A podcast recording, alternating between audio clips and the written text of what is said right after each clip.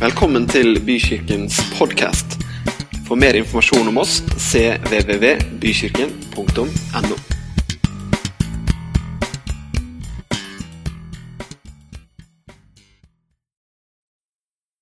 Jeg har lyst til å snakke om uh, frelsesambisjoner.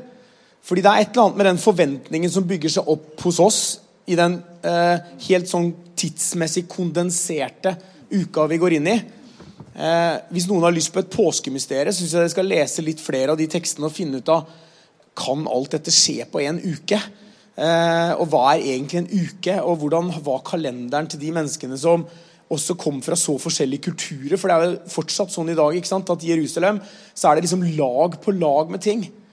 Eh, som bare legger seg oppå hverandre. Eh, og Du kan liksom ikke trå på en stein eller snu deg på et hjørne uten at det er et eller annet som det går an å gå dypt inn i.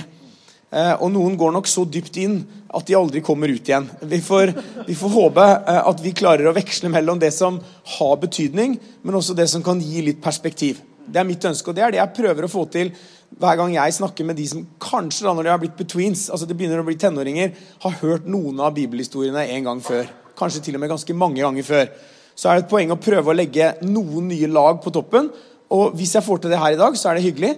Eh, og hvis det er bekreftelse, så er det kanskje det aller viktigste. At vi kjenner oss igjen i påskebudskapet. Men jeg kjenner jo ikke alle her, så jeg vet ikke om det er um, like mange bilder som legger seg der når vi snakker om det å ha frelsesambisjoner. Men for en som er Guds sønn, så kjenner han i hvert fall på én veldig sterk ambisjon, tror jeg, til eh, hans far. Eh, en annen er jo den kulturen han vokser opp i. Hvor noen har en veldig sterk forventning. De ligger liksom i hele dette folket at de går og venter, og de er sprekkeferdige, og de har vært eh, det lenge. Og de venter veldig på denne Messias-skikkelsen. Og det letes jo høyt og lavt etter alt som kan gi tegn på at vi er noe nærmere det som endelig skal gi oss mer enn bare frihet fra det å være fanget i Babylon, altså det som er Irak, eller fanget i Egypt, som jo er særlig det som ligger jødene nær når de feirer påske. ikke sant? Så historien har så mange lag, og det er så mange ambisjoner. Men det er jo ikke sånn at de ambisjonene stopper med det vi får lov å lese i Bibelen. De fortsetter jo den dag i dag. Og jeg har tenkt til også å kanskje besøke noen av de ambisjonene vi har, eh, eller andre rundt oss har, for frelse. da. Det er ganske så mye. Og hva som eh, vokser opp og virkelig gir den høst vi ønsker oss, det kan jo også være verdt å tenke litt over i disse dager. da. Aller først, og Her er teksten litt lang, men jeg valgte å la den ligge der for alle, eh, sånn at man kan følge meg gjennom, men jeg skal også lese den, så vi liksom går inn der hvor også faktisk jeg tror de fleste kirker i dag, eh, i hvert fall i vårt land, eh, starter ut. Dette er liksom evangelieteksten denne søndagen. Og her er vi i Johannes. Og Det er litt verdt å merke seg at Johannes han er altså, det evangeliet her, det er det nyeste. Så det er skrevet mye mye seinere.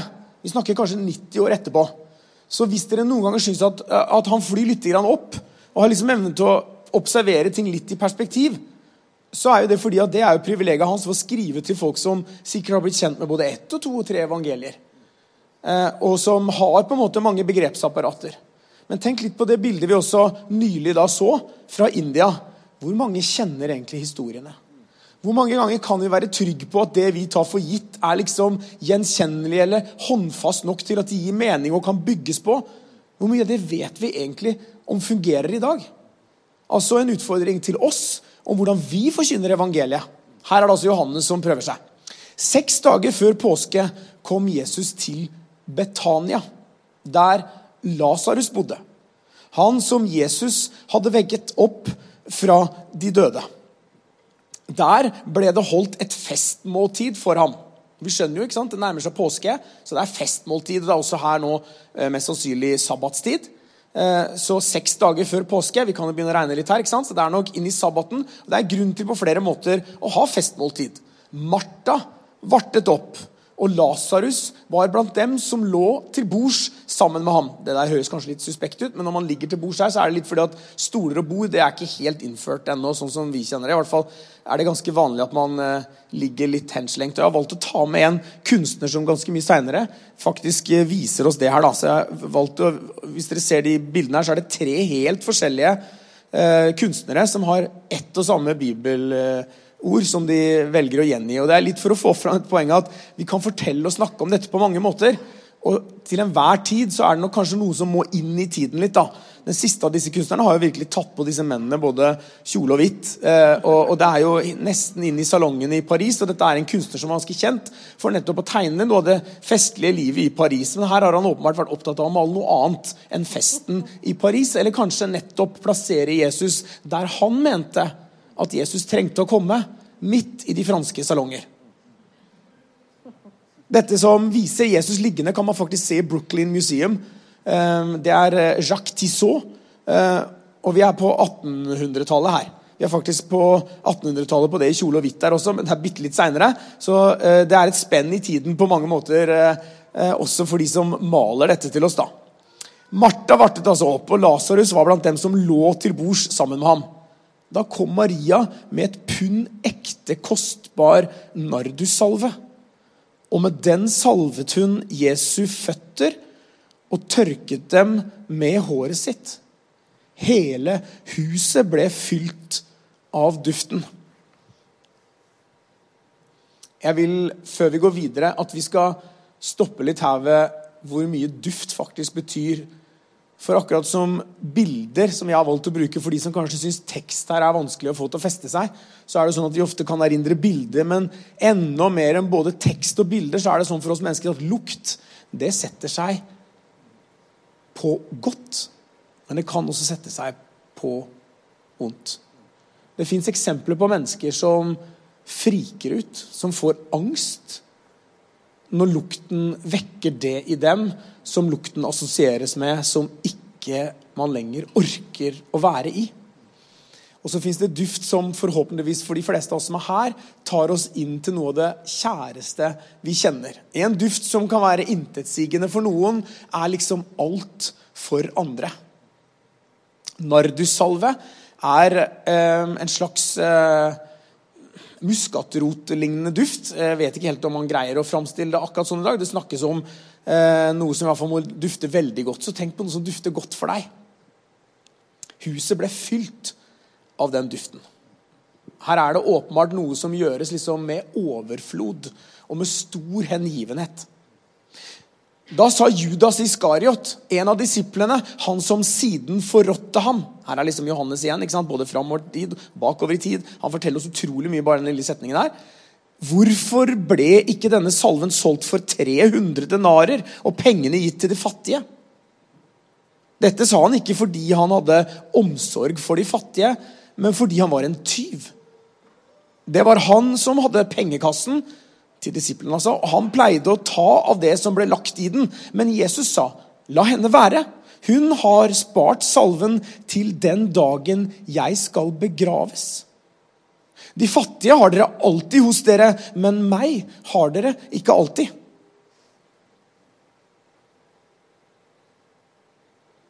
Før vi går videre her, så er det også utrolig mange lag i denne bitte lille teksten her. For det første så vil de som kjenner Bibelen, vite at det som skjer her i Betania, det blir Altså, vi er i Betania nå, ikke ja. Eh, det som skjer der i Betania, det er noe som står i både Matteus og i Markus. Men der står det ikke at det er Judas som blir så opprakt og sint, men at det er de som er rundt. Så Johannes velger på en måte å legge spesielt vekt på denne med Judas. Mens det er ikke de andre så opptatt av. Men det er åpenbart at det argumentet Judas framfører, da, det er nok noe som vinner gjenklang hos flere. Altså, Hvordan går det an å sløse sånn? Bruke alt det du har, eller så mye av pengene dine på det her som har med, med Jesus å gjøre. Ikke sant?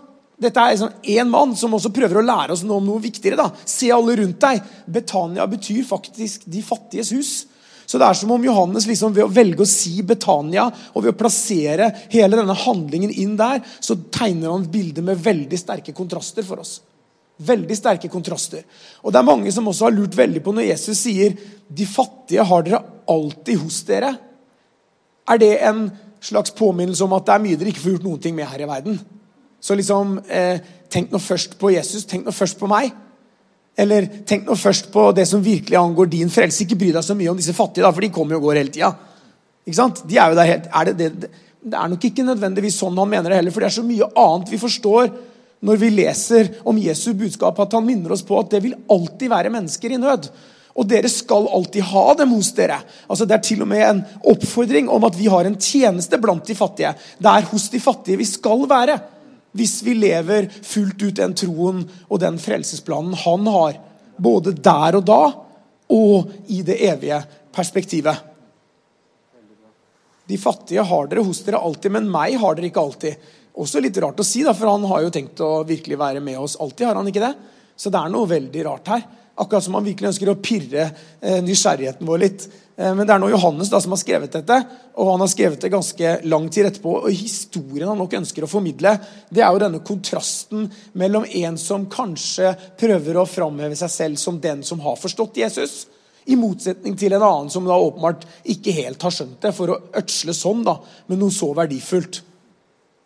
Det fins en annen bibelhistorie som kanskje er den samme, hvem vet? Men det er hos Lukas. Hvor vi er hjemme hos en fariseer. Han heter Simon. Og Legg merke til også her at det står da vitterlig at Nei, her er det Johannes har ikke tatt med det, men det står nemlig hos eh, Matteus og Markus at de er hjemme hos en som heter Simon, en som er, um, som er spedalsk. Um, mens uh, i Lukas så leser vi om en som heter Simon, som er åpenbart fariseer. Og Jesus blir med hjem til han og spiser, og der hører vi om en annen kvinne som vasker føttene til Jesus med tårene sine og med en salve og tørker eh, med håret sitt. En veldig kjærlig handling. Og også der kommer det fram at denne salven er veldig, veldig kostbar. Så kanskje er det akkurat den samme, og hvis det er akkurat den samme hendelsen som Johannes da også her forsøker å fortelle oss, så betyr det at dette er den eneste historien i tillegg til brødunderet som fins i alle evangeliene. Så det er jo åpenbart at evangelistene virkelig har ønska å fortelle oss noe her. da. Og Det kommer noe litt senere også, som jeg tror eh, gjør at vi, vi, har grunn til å huske denne kvinnen, og hvorfor hun så veldig går inn for å vise hvor høyt hun elsker Jesus. Det ble kjent i den store mengden av jøder at Jesus var i Betania. Nå kom de dit, ikke bare for hans skyld, men også for å se Lasarus. Apropos ambisjoner. Som han hadde vekket opp fra de døde. Altså Jesus hadde jo vekket Lasarus.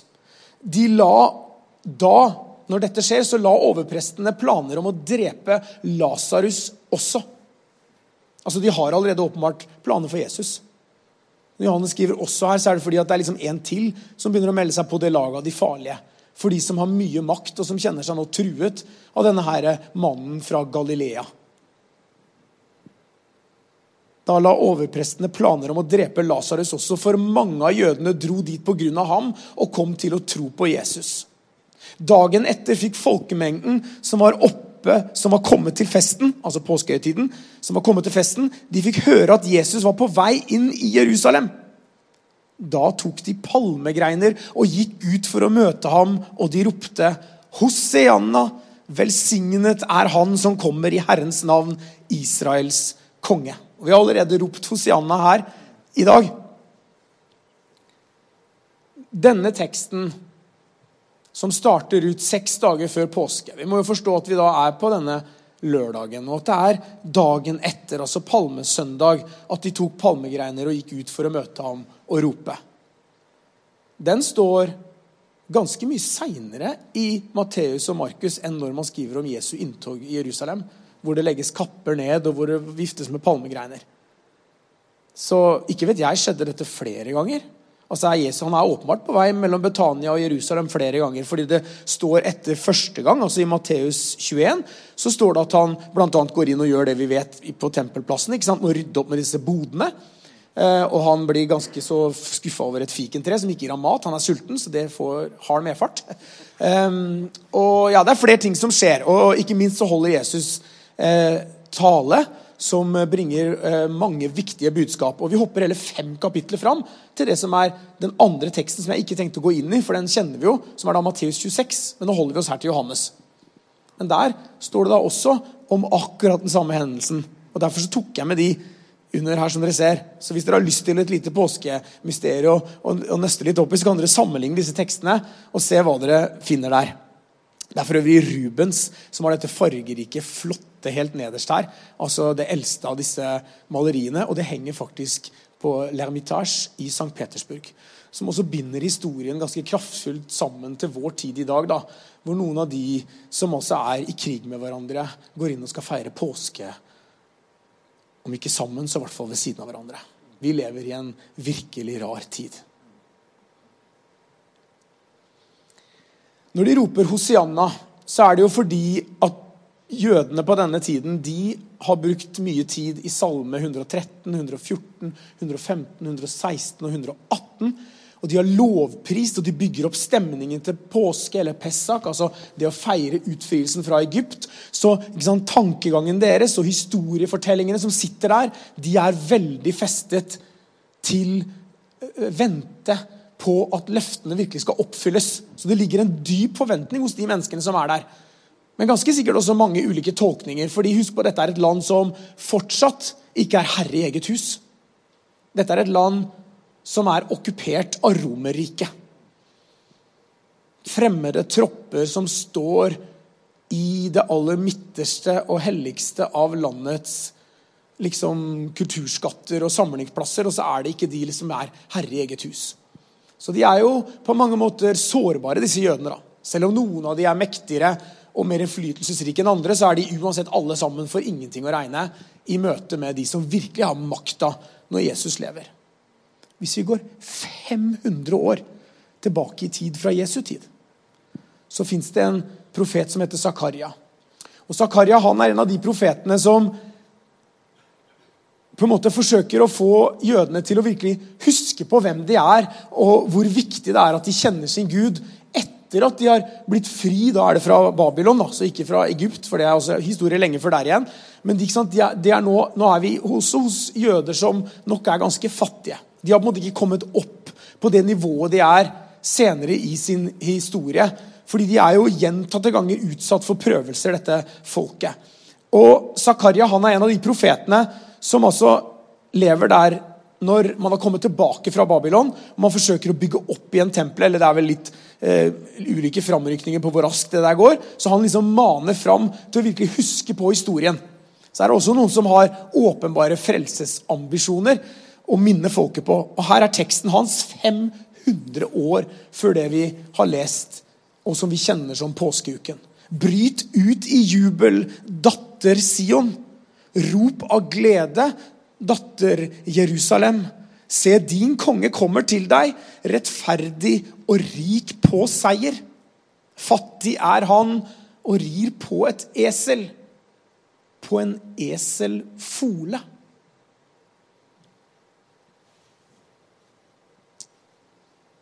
Jesus rir ikke tilfeldig på et esel. Det er så dypt symbolsk plantet inn i bevisstheten til dette folket hva det betyr. Ikke mye, men litt opphøyet. Eller i mer moderne tolkning, da, når ikke du kommer til hest, som jo åpenbart romerne nok mest gjorde, men kommer på et esel, så er det jo en litt annen framtoning. Det er på en måte ikke den truende Jesus, men den, eh, den åpenbart eh, ja, en utfordring på et annet plan. da.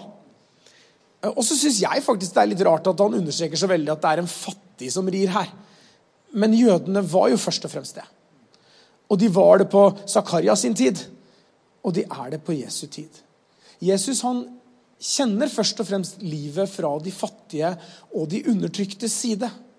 Jesus lever ikke et velstandsliv. Jesus har ikke for vane å få vasket føttene sine i nardussalve. Han har for vane å leve et liv blant de som nok regner seg mest blant de uten mye å kunne arve her i livet. En eselfole, dere, det er et dyr som ikke er trent til å ha noe som helst ridende på seg.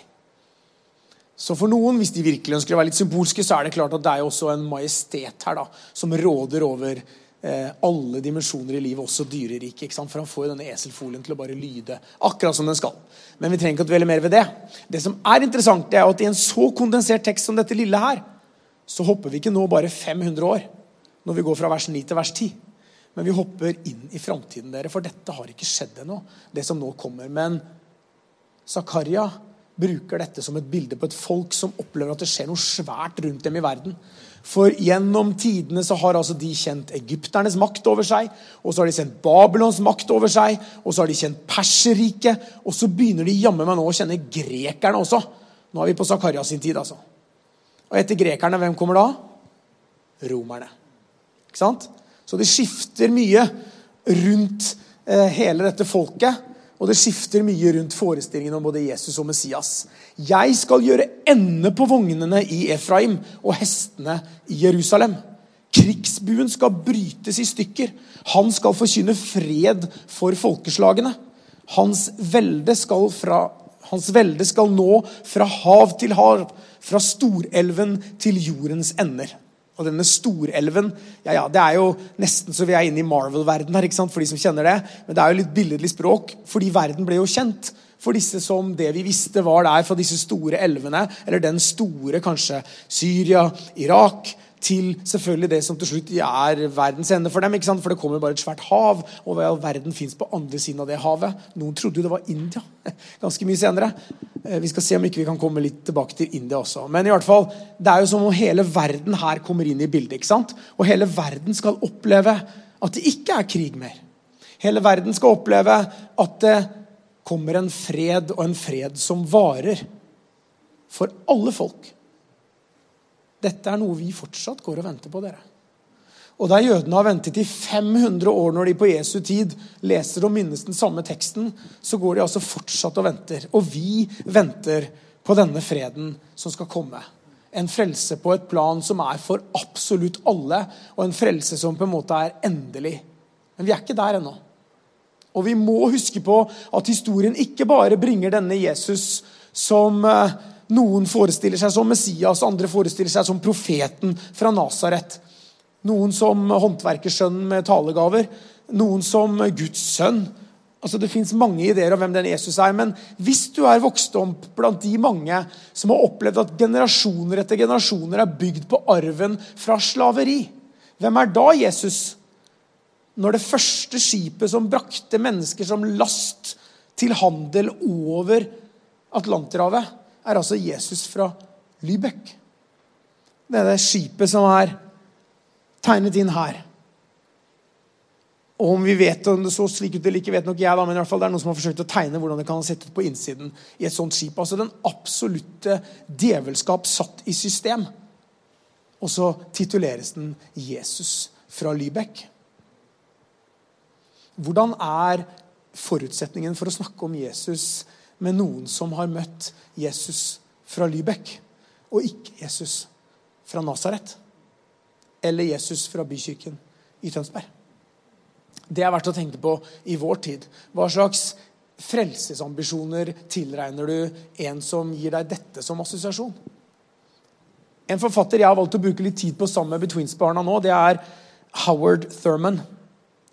Han vokste opp i Florida, delstaten Florida, og bestemoren hans var slave. Så hans mor er da den første som Hun har jo vokst opp med en mor som er slave, men er jo på en måte den første som er fri. Og, og Howard han får lov til å være en av de første afroamerikanerne som går ut åttende klasse. Og ikke bare går han ut åttende klasse, men han eh, tar det altså videre og blir doktor. Og Han reiser faktisk til India. Og noe av det som møter han i India som en eh, overbevist kristen, da, og den arven han har fått i seg, som er på en måte Vi kan tenke det negro spirituals, vi kan tenke det alt det håpet som midt i alt det mørke, midt i alt det misforståtte, midt i alt det absurde, når det kommer kanskje en hvit predikant og besøker denne svarte menigheten i ny og ne for å fortelle om den de da skal tro på, for så i neste instans å aldri invitere de inn til sin kirke, selvfølgelig, for dit kom han jo aldri inn når man var svart. Denne mannen som allikevel velger å tro på denne Jesus, velger å reise til India for å fortelle om det, opplever i India en sånn brutal konfrontasjon tilbake. Hvordan våger du, eller hvordan overhodet kan du, med den historien du representerer, komme til oss? En annen ende av dette tidligere britiske koloniveldet som kommer og snakke om, om denne Jesus som liksom skal være, og så får han denne historien her i fleisen. Da. Og det er utfordra så grunnleggende, for han opplever jo at det er vanskelig. Selv om det var et bilde av at det var enkelt nå kanskje å, å, å, å møte mennesker i India, dypt fattige kanskje, som trenger et håp i livet, så tenker vi at det er jo enkelt, men i utgangspunktet så tror jeg ikke det er så enkelt. Når så mye i livet virker fullstendig på siden av hva budskapet om Jesus handler om, og så skulle oppfatte at Jesus overhodet er relevant. Hvor kanskje nettopp Judas' budskap Hvorfor solgte du ikke nardusalven? Vi treffer mye, mye bedre. Og Jeg har valgt å dele denne teksten i to, ikke fordi den er delt i to i boka til Howard, men fordi jeg synes det er noe som liksom skifter fullstendig. For han skriver ikke sant? Det er født en tro da, Han bruker ordet religion. Jeg liker ikke så veldig godt det, men allikevel er det han skriver. En religion født av mennesker for det er jo mye mennesker som gjerne skaper det. da, Preget av forfølgelse og lidelse. For det var jo de som levde med Jesus. ikke sant? De var preget av forfølgelse og lidelse. Hele den troen altså har blitt hjørnestein i en sivilisasjon og nasjoner, altså hos oss, hvor posisjonen til oss da nå i den moderne, moderne tid den er altfor ofte blitt sikret ved hensynsløs bruk av makt anvendt på svake og forsvarsløse mennesker. Så i det store bildet så lukter det jo ikke nardussalve. I hvert fall ikke på en sånn sjelelig måte av det eksempelet mye av vår kultur eller våre nasjoner som preger seg med korset i flagget, og som har alle disse ritene inne og feirer påsken. Ja, med litt påskehare, og ja, med litt annet også, men først og fremst og i bunn og grunn en intens, kondensert uke med et budskap om å frelse hele folket. Alle menneskene. Selv jødene tror jo at frelsen skal komme for alle, og ikke bare for dem. Og så må vi ta på alvor at verden ses ikke nødvendigvis sånn av mange. Og jeg tror vi lever med en dobbelt utfordring i vår tid. Fordi Mens Howard Thurman vet at mange av de som sliter med å tro, gjør det fordi de syns bare livet er så i grell kontrast til det evangeliet forteller, så sliter jo vi med at vi kanskje aldri før har levd med flere mennesker som aldri har hørt et pip om noe som helst. Verken av Gammelt eller Nytt testamentet. Og hvordan løser vi den utfordringen? Hvordan formidler vi der hva som skjer i denne uka som vi nå er på vei inn i. Det aller mest essensielle fanges opp av mange opp gjennom historien. Og vi har fortsatt muligheten dag i dag til å anerkjenne det William Cooper gjorde med denne her verdensberømte salmen. There is a fountain filled with blood. There is a fountain filled with blood drawn from Emmanuel's veins, altså fra årene til Emmanuel. And sinners plunged beneath that flood lose all their guilty stains, lose all their guilty stains, lose all their guilty stains. And sinners plunged beneath that flood lose all their guilty stains. Det er flere vers til denne. Men jeg har valgt å ta med det fjerde fordi det virkelig løfter perspektivet til hva jeg har lyst til å formidle til dere i dag. Ever since by faith I saw the stream, thy flowing wounds supply, redeeming love has been my theme and shall be till I die.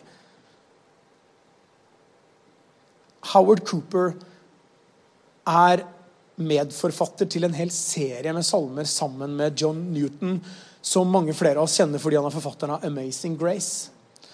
Og De bygger en eh, salmesamling som først og fremst brukes ikke minst i forsamlinger av ganske fattige mennesker. Eh, og det vokser fram en hel bevegelse i kirkelivet da, av mennesker som synger disse hymnene. Og kanskje enda mer enn noe annet sted så tar de virkelig fart blant folk på andre siden av Atlanteren blant amerikanerne. Og en av de som er virkelig kjent for å ha sunget denne sangen, er jo Aretha Franklin. Og Den synges fortsatt en dag, og det står faktisk gjerne i en instruksjon om at denne skal synges eh, gledesfylt. Så den har gjerne litt sånn upbeat stemning um, og, og, når den synges. Og Det er jo meningen at det er et gledesbudskap, men denne William Cooper han var en mann som slet med manisk depressivitet. Han var utdannet jurist, akkurat som meg, faktisk. Eh, utdannet jurist, men drev det aldri til noe innen jussen. Ble isteden en eh, poet. Eh, ble en som eh, har fått sitt eget vindu, til og med, inne i Westminster Abbey. så Derfor tok jeg med det her. Eh, inne i Westminster, Det er få forunt å havne der, så det er åpenbart at han har liksom festet seg inn i nasjonen inn i kulturen, inn i noe som mange fortsatt går og finner som kilde til den virkelige sannhet om hva påsken handler om. Ganske mange år senere ser vi, akkurat som Johannes forsøker å formidle det, så forsøker William Cooper å formidle det. Og han kaller oss og maner oss på samme måte til å huske på hva det er som er det helt essensielle. Hva det er som får noen til å ødsle eller gi alt for Jesus.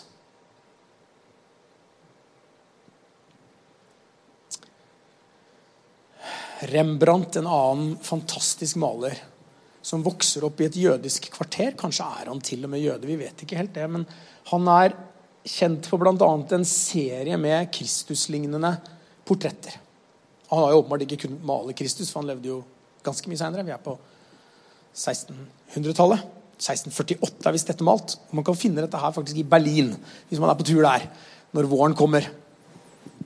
Dette er en av de andre tekstene som leses i kirken i dag.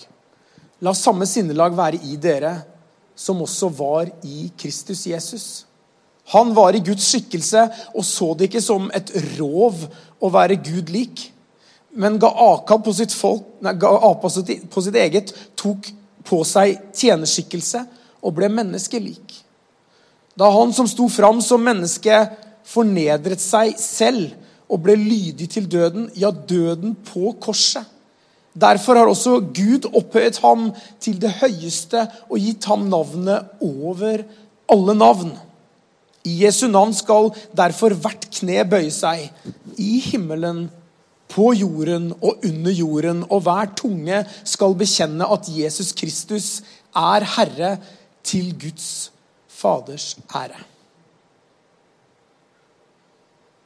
Dette er Paulus som skriver til en kristen menighet i Filippi. Og det er som Han eh, han vil faktisk takke dette brevet. Altså, det er jo en sånn, eh, Noen mener at det er det vakreste Paulus skriver. og det er i hvert fall vakkert dette her. Det er noe vakkert også som blir formidlet til oss. I et eksempel å leve etter på mange flere plan enn bare det menneskelige møtet med andre mennesker. I et eksempel som er dedikert til kallet fra hans far, vår Herre. Dedikert til å oppfylle profetien, altså å frelse hele folket sitt, men også alle andre folkeslag. Og gjøre seg selv liten om så må til. Å ofre. Mer enn noe annet så er det jo den seieren som det lille og det som regnes for lite, er, som kanskje kan vekke håpet i noen og enhver. Fordi det er vanskelig å sette seg inn i bildet av hva kanskje de mektigste tenker eller mektigste gjør. Fordi de færreste av oss er i den posisjonen. Men de fleste av oss er mange ganger i posisjonen av å kjenne oss helt maktesløse. Og akkurat der er det Jesus nok også har vært. Og akkurat der er det han allikevel minner oss om at vi kan seire. På vårt personlige plan, som Stian nå sa det, og på det langsiktige, evige, historiske planet. Og Derfor vil jeg avslutte med denne teksten. Fordi den tar oss tilbake til nardussalven og til duften og til hva vi er oppfordret til å være. Men Gud være takk som i Kristus alltid fører oss fram i triumftog og gjennom oss spre duften av kunnskapen om ham overalt. For vi er Kristi vellukt for Gud blant dem som blir frelst, og blant dem som går fortapt. Alle ønsker han skal få kjenne på duften av kunnskapen om ham.